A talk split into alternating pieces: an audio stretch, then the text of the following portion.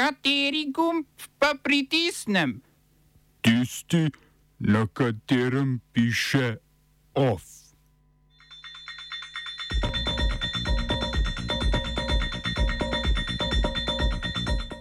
Predlog o nezaupnici za Ursulo von der Leyen. Žiga Debeljak imenovan za predsednika DUTB. Računsko sodišče ugotavlja neučinkovito gospodarjenje pri projektu Drugi tir. V kulturnih novicah pesniška zbirka Dogdaj v Sloveniji živečega palestinskega avtorja Fauzija Abder Rahima.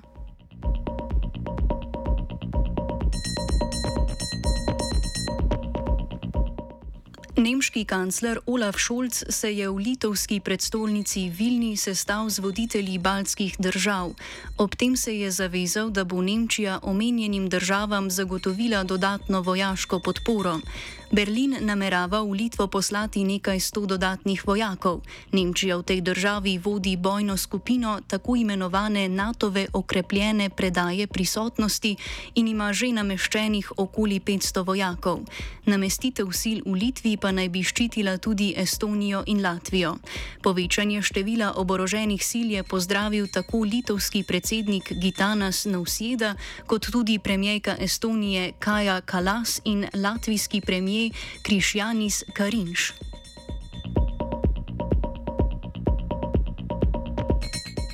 Predsednica Evropske komisije Ursula von der Leyen je zagotovila, da Poljski ne bodo izplačana sredstva iz sklada za okrevanje in odpornost, dokler ta ne sprejme ustreznih pravosodnih reform.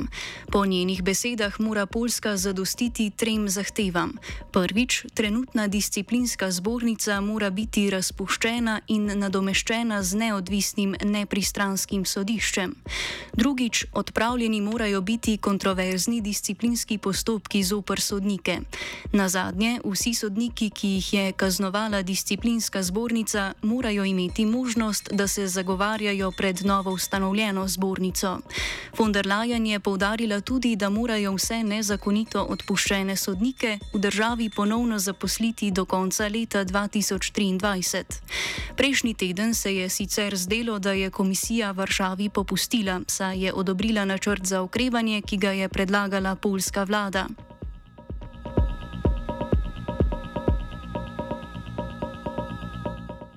Von der Leyen se je prav ta teden, prav zaradi popuščanja Poljski, znašla pod pritiskom evropskih poslancev politične skupine liberalcev Renew. Omenjena skupina je začela zbirati podpise za predlog nezaupnice komisiji. Razlog za njo je, da je komisija podala pozitivno oceno polskega načrta za okrevanje, a pri tem ni upoštevala številnih resolucij Evropskega parlamenta in sodb sodišča Evropske unije. Poslanci so sporočili, sporočili, da v primeru izplačila sredstev Polski, preden bi ta uvedla prej omenjene reforme, Evropska komisija ne bi več imela zaupanja skupine. Glede na razpravo v Evropskem parlamentu se sicer zdi, da nezaupnica ne bo izglasovana. Obe večji politični skupini, Evropska ljudska stranka ter socialisti in demokrati, predloga o nezaupnici ne podpirata.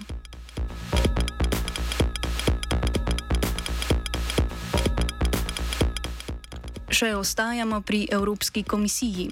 Deset članic Evropske unije, med njimi tudi Slovenija, so Evropsko komisijo pozvale k spremembi pogodb o dobavi cepiv proti virusu COVID-19. Države so komisijo pozvale k reviziji določil pogodb o dobavi cepiva, pri čemer so opozorili na preveliko ponudbo odmerkov cepiva in zaščitnih sredstev. Pogodbe s proizvajalci cepiv bi morale biti prekinjene, ukolikor niso več potrebne zdravstvene zdravstvenega in epidemiološkega vidika.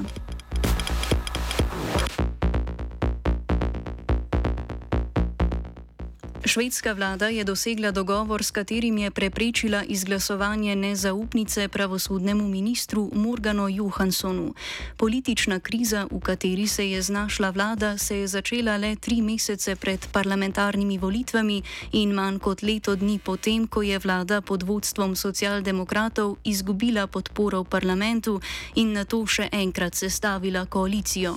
Glasovanje o nezaupnici ministru je zahtevala skrajno desna stranka stranka Švedski demokrati, ki mu očita, da ni uspel zajeziti nasilja med oboroženimi tolpami, ki državo pesti že nekaj let.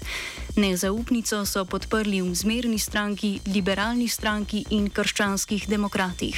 Na glasovanju je bila nezaupnica zavrnjena, podprlo jo je namreč 174 poslancev 349 članskega parlamenta, torej le en poslanec manj od večine. Odločilen je bil glas Amine Kakabave, nekdanje poslanke leve stranke, ki je od leta 2019 neodvisna.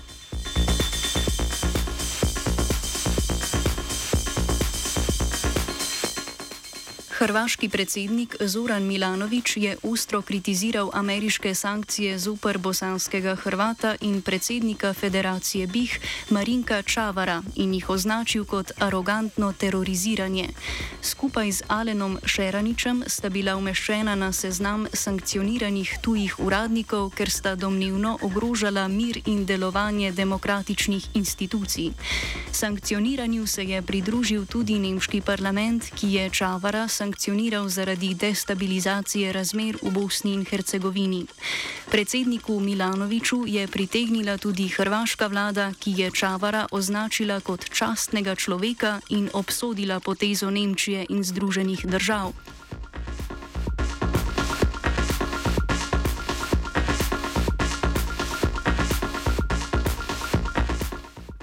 Delavci v tovarni Fiata v Kragujevcu v Srbiji so na pogajanjih z vlado dosegli, da bodo tisti, ki bodo pristali na to, da naslednji dve leti delajo v Fiatovih tovarnah v tujini, dobili višjo nagrado v višini 17 tisoč evrov. Dobili so tudi zagotovilo, da jim bo ob vrnitvi zagotovljeno delovno mesto v Kragujevcu.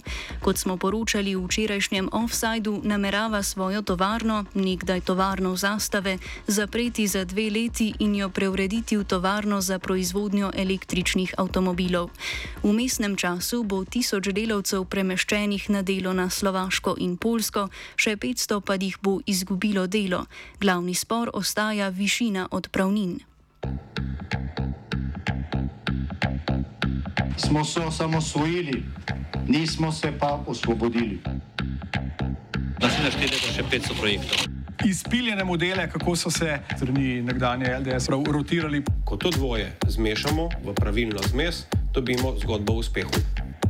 Takemu političnemu razvoju se reče udar. Jaz to vem, da je nezakonito, ampak kaj nam pa ostane? Brutalni obračun s politično korupcijo. To je Slovenija, tukaj je naša zemlja, to je Slovenija, Slovenija, Slovenija. Upravni odbor Družbe za upravljanje terjatev bank, krajše DUTB, je na seji za novega predsednika imenoval Žiga Debeljaka. Za namestnika predsednika upravnega odbora pa sta bila imenovana Rok Marold in Miha Resman. DUTB naj bi skladno z zakonom iz leta 2015 sicer prenehala z delovanjem konec letošnjega leta. Debeljak je sicer leta 2006 prevzel funkcijo vodenja Merkatorja, potem ko je položaj zapustil Zoran Jankovič.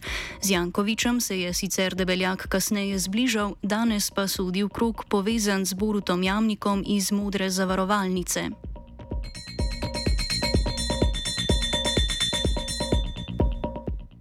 Računsko sodišče je izdalo revizijsko poročilo o projektu drugi tir Divača Koper, ki skupno znaša 1,6 milijarde evrov.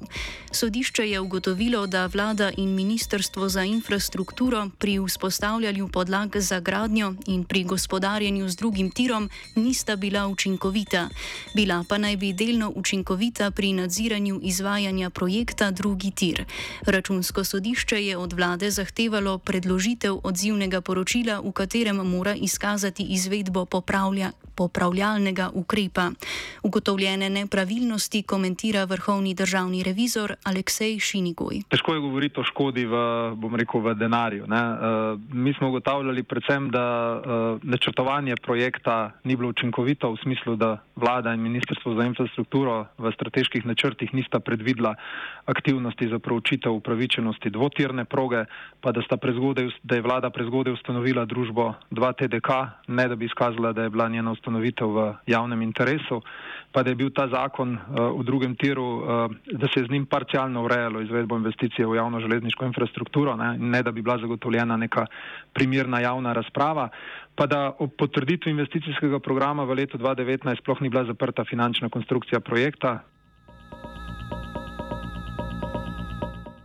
Preopraševana je bila tudi učinkovitost investitorjev. Direkcija za infrastrukturo v obdobju med 1. januarjem 2015 in 21. julijem 2018 kot investitor pri izvajanju nalog priprave in izvedbe projekta ni bila učinkovita. 2TDK, Družba za razvoj projekta, pa je bila v obdobju med julijem 2018 in junijem 2020 kot investitor delno učinkovita.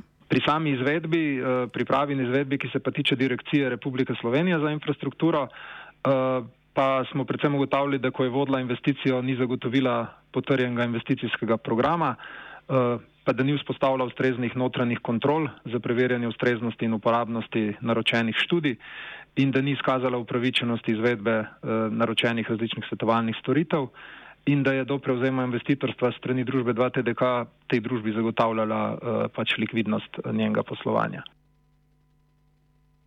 OF je pripravila Tija.